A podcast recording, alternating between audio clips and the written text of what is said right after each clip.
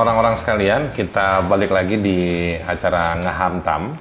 Eh, hari ini kita akan bahas soal eh, IPK, tapi ini bukan IPK seperti yang kalian suka pikirkan di bangku kuliah, indeks prestasi kumulatif, eh, apa namanya nilai-nilai kuliah bukan. Ini IPK soal korupsi. Nah, untuk bahas itu udah ada dua orang eh, jagoan andalan salah sa- eh, salah satu atau salah dua eh, sumber kalau kita bahas dis- eh, disku- atau diskusi soal korupsi di Indonesia di antara banyak teman-teman. Di sebelah kanan saya ini ada Mas Dadang Trisasongko. Aduh, ini eh, senior di banyak LSM di Indonesia, eh, bukan kaleng-kalengan.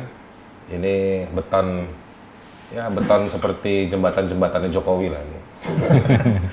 Mas Dadang ini kalau kalian tahu Munir, eh, yang kalian sudah bikinkan lagunya, puisinya, turut serta perjuangan Mbak Suci, Mas Dadang ini teman seperjuangan Munir ya, Mas ya? amin, insya Allah.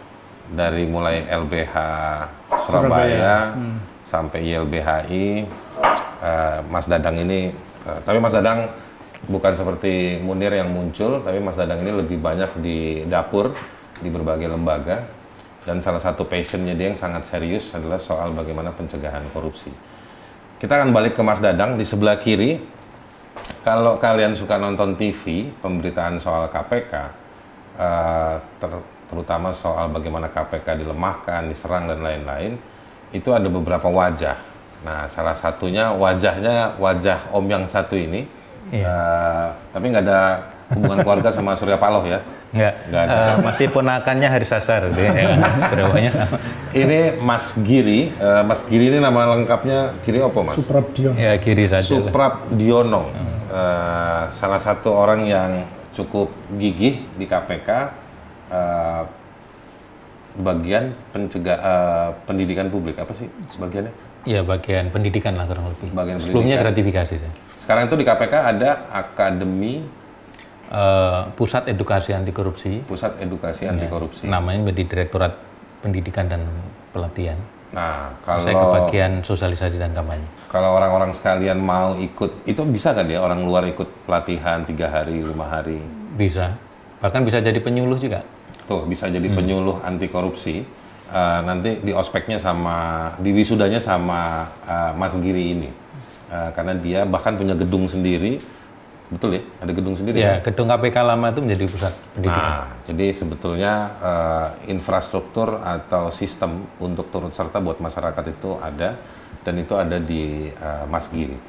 Oke, eh, kakak-kakak sekalian ini kita akan bicara soal IPK, eh, Mas Dadang. Iya.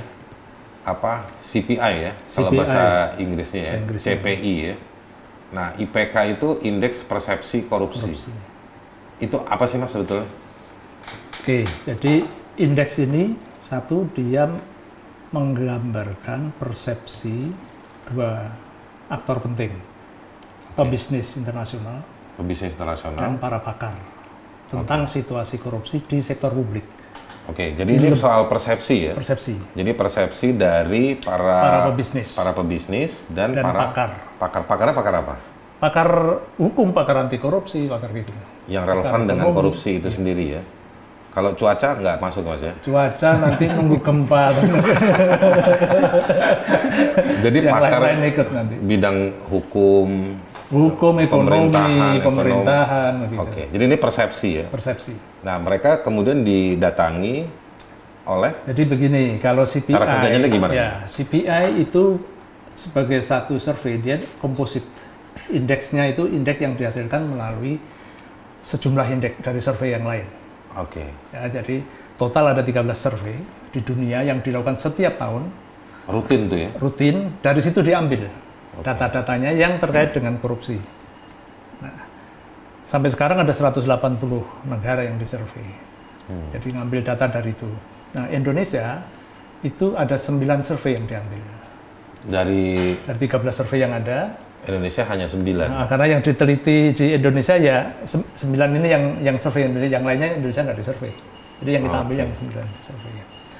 Nah, ini menjadi rujukan dari sebagian besar negara di dunia pemerintah karena dia bisa dibandingkan diperbandingkan antar waktu dan antar negara. Makanya ada rank. Oke. saya bisa bandingkan tahun sekian berapa trennya kayak apa. Makanya kemudian ada data membandingkan kinerja CPI antar presiden misalnya kalau di Indonesia. Nah itu kalau yang 9 atau yang tadi berapa? 13 itu ya? Nah, Itu itemnya atau temanya apa aja tuh? temanya lebih banyak ekonomi hukum politik Ekonomi, politik. Ya, jadi terkait dengan investasi, bisnis, lalu politik dan juga negara hukum dan lain-lain. Oke. Jadi itu di dunia paralel ya. Paralel. Setiap tahun itu Setiap dilakukan tahun ada persepsi. seperti Yang melakukannya siapa, Mas? Macam-macam. Ada ada eh, PERC, ada Bertelsmann, ada eh, IMD, banyak. Masing-masing punya punya eh, kekhasan gitu ya. Ini kan suka dituduh begini, Mas. Ah, ini pesanan asing. Hmm. Eh, jadi dari sini orang-orang sekalian, kita bisa tahu bahwa ini sebetulnya gawe besar tiap tahun, simultan, artinya terus-menerus.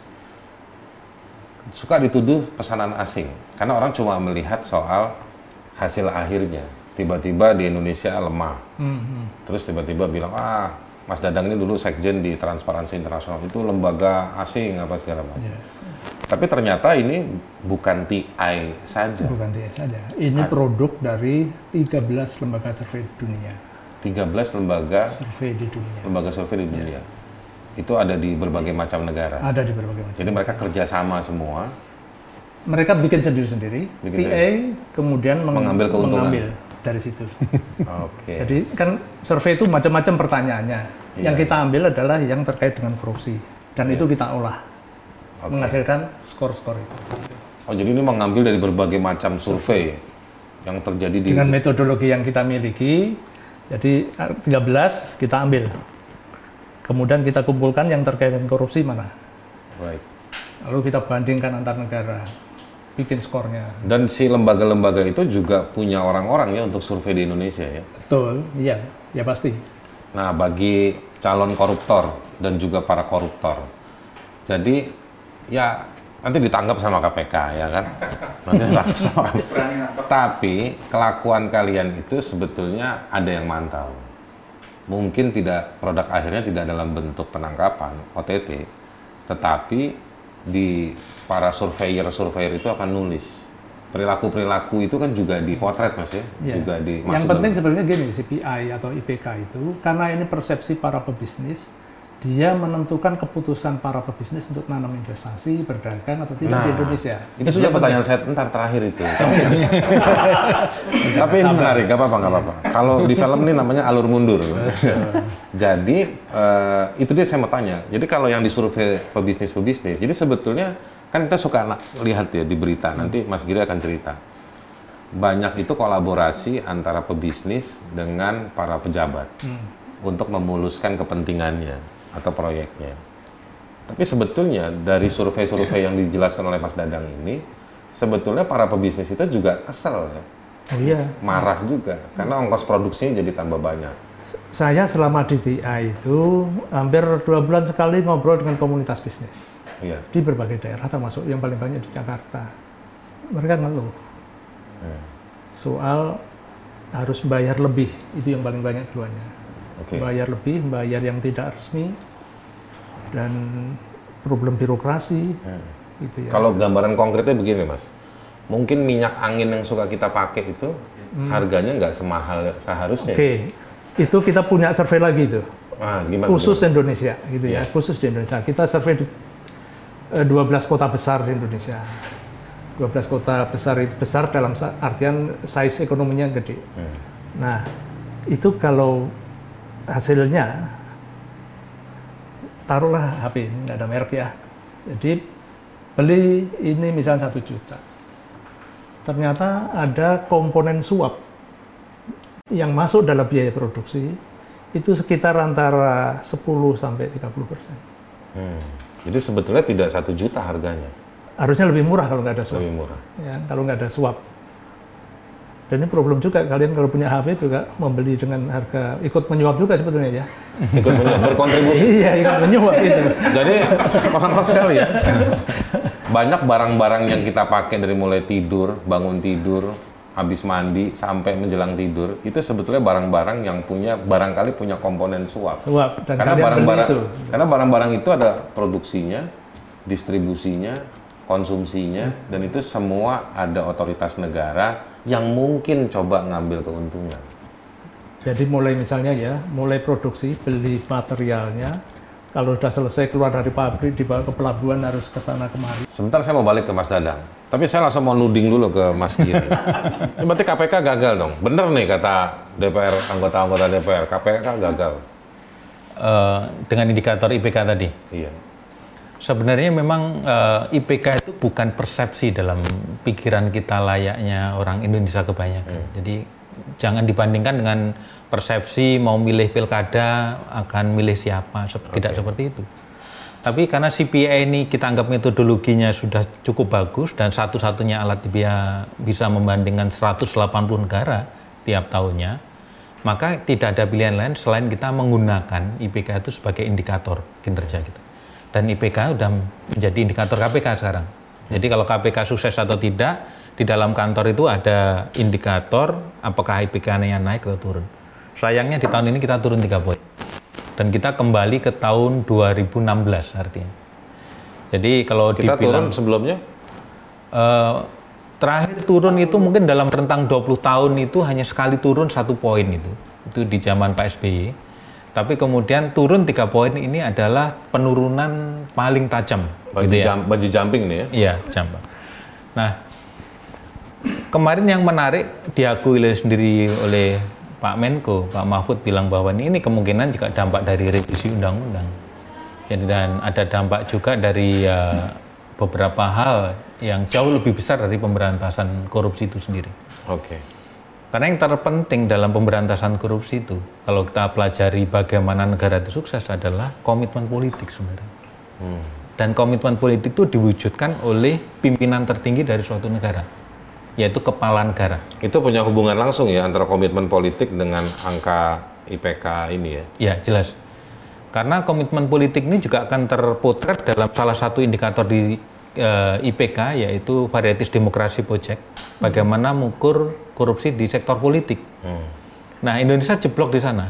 Dan itu selalu menjadi nomor satu dua terbawah dari indikator Indonesia yang menarik turun rata-rata dari IPK itu sendiri. Oke. Dan itu karena money politik di pilkada cukup besar, kemudian eh, korupsi politik di KPK yang kita tangani itu 36 persen. 36 persen kasus itu eh, kasus yang melibatkan eh, DPR, DPRD, kepala daerah, dan menteri. Artinya 36 persen. Itu udah sepertiganya ya? Lebih dari sepertiga. Apalagi kalau kita ambil dari beberapa orang yang bukan kategori politikus tadi sebagai aktivis dari suatu politik, jauh lebih besar lagi. Maka bisa dibilang memang korupsi politik itulah yang sebenarnya yang membuat IPK ini turun sedemikian Jadi gampang ambrol. benar. Nah, Emang ngomong-ngomong di Indonesia IPK-nya gimana mas? Indeks persepsi korupsi di Indonesia ini dari tahun ke tahun ini? Jadi pertumbuhan gini nih, dari zaman Soeharto dulu nih, Iya. kita pernah drop 7 poin, Di zaman Soeharto. 97 ke 98. Oke. Jadi kepercayaan dunia bisnis pasti itu sudah tergambarkan dari situ ya, bagaimana mereka tidak percaya pada Indonesia. Drop, kemudian dia runtuh, sam Habibie nggak bisa mencegah itu runtuh lagi sampai tiga poin lagi gitu ya. Iya.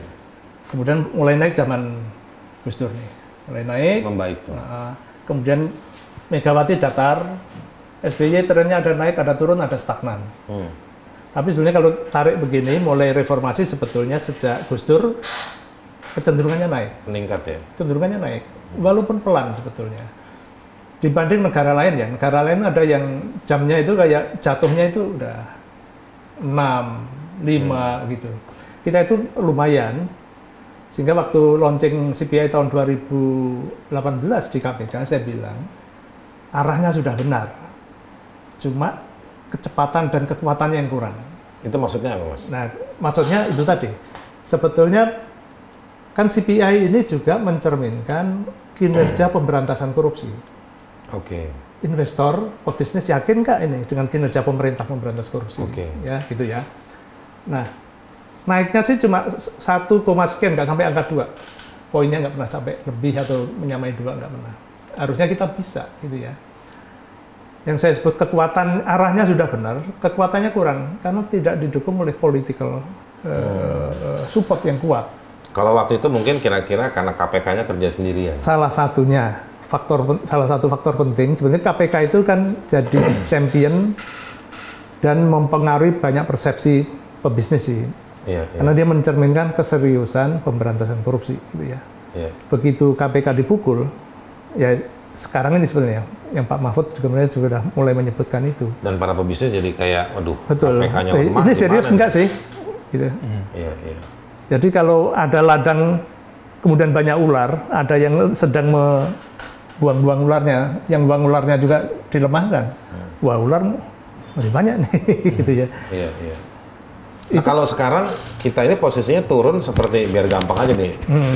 yang bagi yang nonton, kita turun seperti di zaman SBY, zaman Mega, Gus Dur, Habibie atau Soeharto? Eh, separuhnya Soeharto Atau zaman Soekarno? Zaman Soekarno belum ada survei ya, belum. Ya. Ini 25 tahun terakhir. 25 tahun terakhir. Seperti zaman Soeharto. Ah, menjelang menjelang Kita ini sekarang. ini yang gue suka ini. Enggak, enggak, arahnya enggak ke sana. Jadi ini kita turun kayak Jadi kalau kita tidak berhasil minimal datar atau naik lagi, itu makin runtuh itu. Ya, runtuhnya makin Soeharto drastis karena ada krisis global segala ya, sehingga dari eh, 27 sampai ke 20 Oke. jatuh itu. Baju jumpingnya ekstrim. Betul. Kita Kalau belum sekarang- kita belum sampai ke situ. Kita angkanya sekarang Sekarang Tiga. tahun kemarin kan 40. Turun jadi 37. oke. Turun 3 poin. Jadi naiknya pelan-pelan, turunnya keplesetnya gini gini. Kalau saya sering bilang memberantas korupsi di Indonesia itu kayak poco-poco. Hmm. Maju dua langkah, Mundur mundur, tiga dua. langkah, masuk lagi gitu ya. Nah, kita trennya udah agak agak mengkhawatirkan ya turun sampai tiga angka gitu ya. Ini kalau saya sering menyebut ini kalau orang hukum ini somasinya para pebisnis terhadap situasi korupsi di Indonesia. Tapi gimana ini dagangan omnibus itu kan dalam rangka mengundang para pebisnis. Tapi kalau ternyata IPK ini adalah persepsinya para pebisnis dan memberikan somasi barusan dengan ekstrim turun tiga angka, kan bisa dibilang bahwa omnibus ini berpotensi Iya. gagal ini kan. Dulu ketika revisi undang, undang KPK, kami teman-teman mengingatkan bahwa pelemahan KPK yang diwujudkan melalui revisi undang-undang KPK ini kabar buruk bagi investasi, bagi para pebisnis global. Gitu. Tapi nggak ada yang percaya ya. Nggak ada yang percaya. Kita udah kritik keras tapi ternyata tidak lanjut didengar. terus. Gitu. Mahasiswa turun ke jalan, lanjut terus. Oke. Nah, tapi kalau diperbandingkan di dengan negara-negara lain, biasanya kan kalau dari sisi politik, eh, KPK kan juga punya komplotan antar negara kan, yang role modelnya juga misalnya Hong Kong salah satunya. Nah, kalau di kawasan mas, di kawasan itu kita ini ASEAN misalnya. ASEAN misalnya. ASEAN kita Jangan bicara Singapura lah, kalau Singapura pasti oke. ya terpaksa kan dia Asia Tenggara. Jadi ASEAN begini nih. ASEAN dia itu Indonesia itu di bawah Timor Leste. Di bawah Timor Leste. Kan ada Singapura. gitu Di ya. berapa tahun terakhir nih?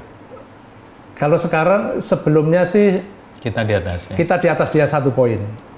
Ya. Satu poin saja. Nah, sekarang dia 40. Dia 40 justru. Sekarang dia 40. Kita 37. Di atasnya lagi ada Brunei, ada Malaysia, ada Singapura. Yang paling atas Singapura. Ya, ya. Jadi kita masih sekitar Filipina. Ya kita lebih baik dari Vietnam, lebih baik dari Filipina. Oke. Jauh lebih baik dari Myanmar tentu. Oke. Jadi kita secara kawasan juga dikepung sama tetangga-tetangga yang ada yang baik, ada yang buruk juga ya. Betul. Jadi kalau kaitannya sama Omnibus Law ya, ini boleh masuk ke soal pandemi belum nih? Eh, boleh bebas. Nah, pandemi ini membuat krisis di semua negara nih, Iya. ekonomi ya. Iya. Dan negara harus bersaing nih untuk mendapatkan investasi baru gitu ya. Hmm. Untuk Sehingga memperbaiki ekonomi. memperbaiki ekonomi. Nah, persaingan ini kita agak kelabakan juga nih. Hmm. kita apa yang mau dijual untuk bersaing itu? Kita nggak ada yang dijual mas, cuma bisa naikin harga tas saja bansos. kalau negara-negara, kalau saya amati ya, negara-negara yang enggan memberantas korupsi atau tidak mampu memberantas korupsi, yang dia jual apa? Sumber daya alam dan buruhnya. Oke. Jadi dia nggak tidak bisa memproduksi jasa atau produk tertentu teknologi, akhirnya cuma ngorek tanah aja ya. Iya, yang paling mudah kan sumber daya alam. Iya. Sama menurunkan eh, upah misalnya, itu kompetitif jadinya kita. Oke. Tapi yang datang yang begitu, investor, pebisnis yang suka Ngorek-ngorek merusak juga. sumber daya alam, itu ya, mengeksploitasi buruh. Dan orang tahu lah di situ pasti ada kompetisi yang liar dan menghalalkan segala cara dan itu akhirnya muncul persepsi lagi. Sekarang saya mau ke ini kan sebenarnya angka ini suka nggak suka juga nunjuk hidungnya KPK Iya. Gitu. Eh, kenapa KPK berkontribusi pada penurunan angka ini? Gitu. Saya coba dulu biar nanti kalau Jokowi nonton nih misalnya gitu ya atau Pak Mahfud itu ini salahnya KPK. Nah, coba KPK jawabnya gimana? Kalau jawab ala pimpinan yang menyampaikan bahwa memang kontribusi banyak pihak, ya memang benar. Tapi sebenarnya gini. Eh, strategi pemberantasan korupsi yang benar itu akan mempercepat kenaikan IPK. Jadi walaupun memang kita turun 3 poin dari 40 ke 37, kalau kita bandingkan 20 tahun terakhir, Indonesia jauh lebih baik dibandingkan Cina, Malaysia, Thailand, dan lain-lain. Kita Oh, naik jadi- 20 poin. Jadi usahanya sebenarnya dan proses itu menunjukkan perbaikan IPK Ya, itu. secara total ya. Iya. Jadi, cuma memang untuk tahun ini eh, jadi kayak moment of truth gitu loh ya. Apakah dulu kita juga menolak ada revisi undang-undang KPK segala macam. Ternyata memang bagi bisnismen menilai hal yang sama artinya. Karena survei-survei berapa tahun yang lalu mengatakan bahwa masalah yang dihadapi oleh pengusaha itu korupsi, bukan stabilitas atau kebijakan-kebijakan yang lainnya Oke. korupsi. Jadi ketika misalkan kenapa revisi undang-undang KPK ini menjadi kayak setback lagi. Kemudian dari sisi pemberantasan korupsi, KPK saya udah 15 tahun lebih di KPK, tapi besarnya KPK segitu-gitu saja. KPK itu punya penyidik nggak nyampe 150 orang sekarang, punya jaksa nggak nyampe 100 orang.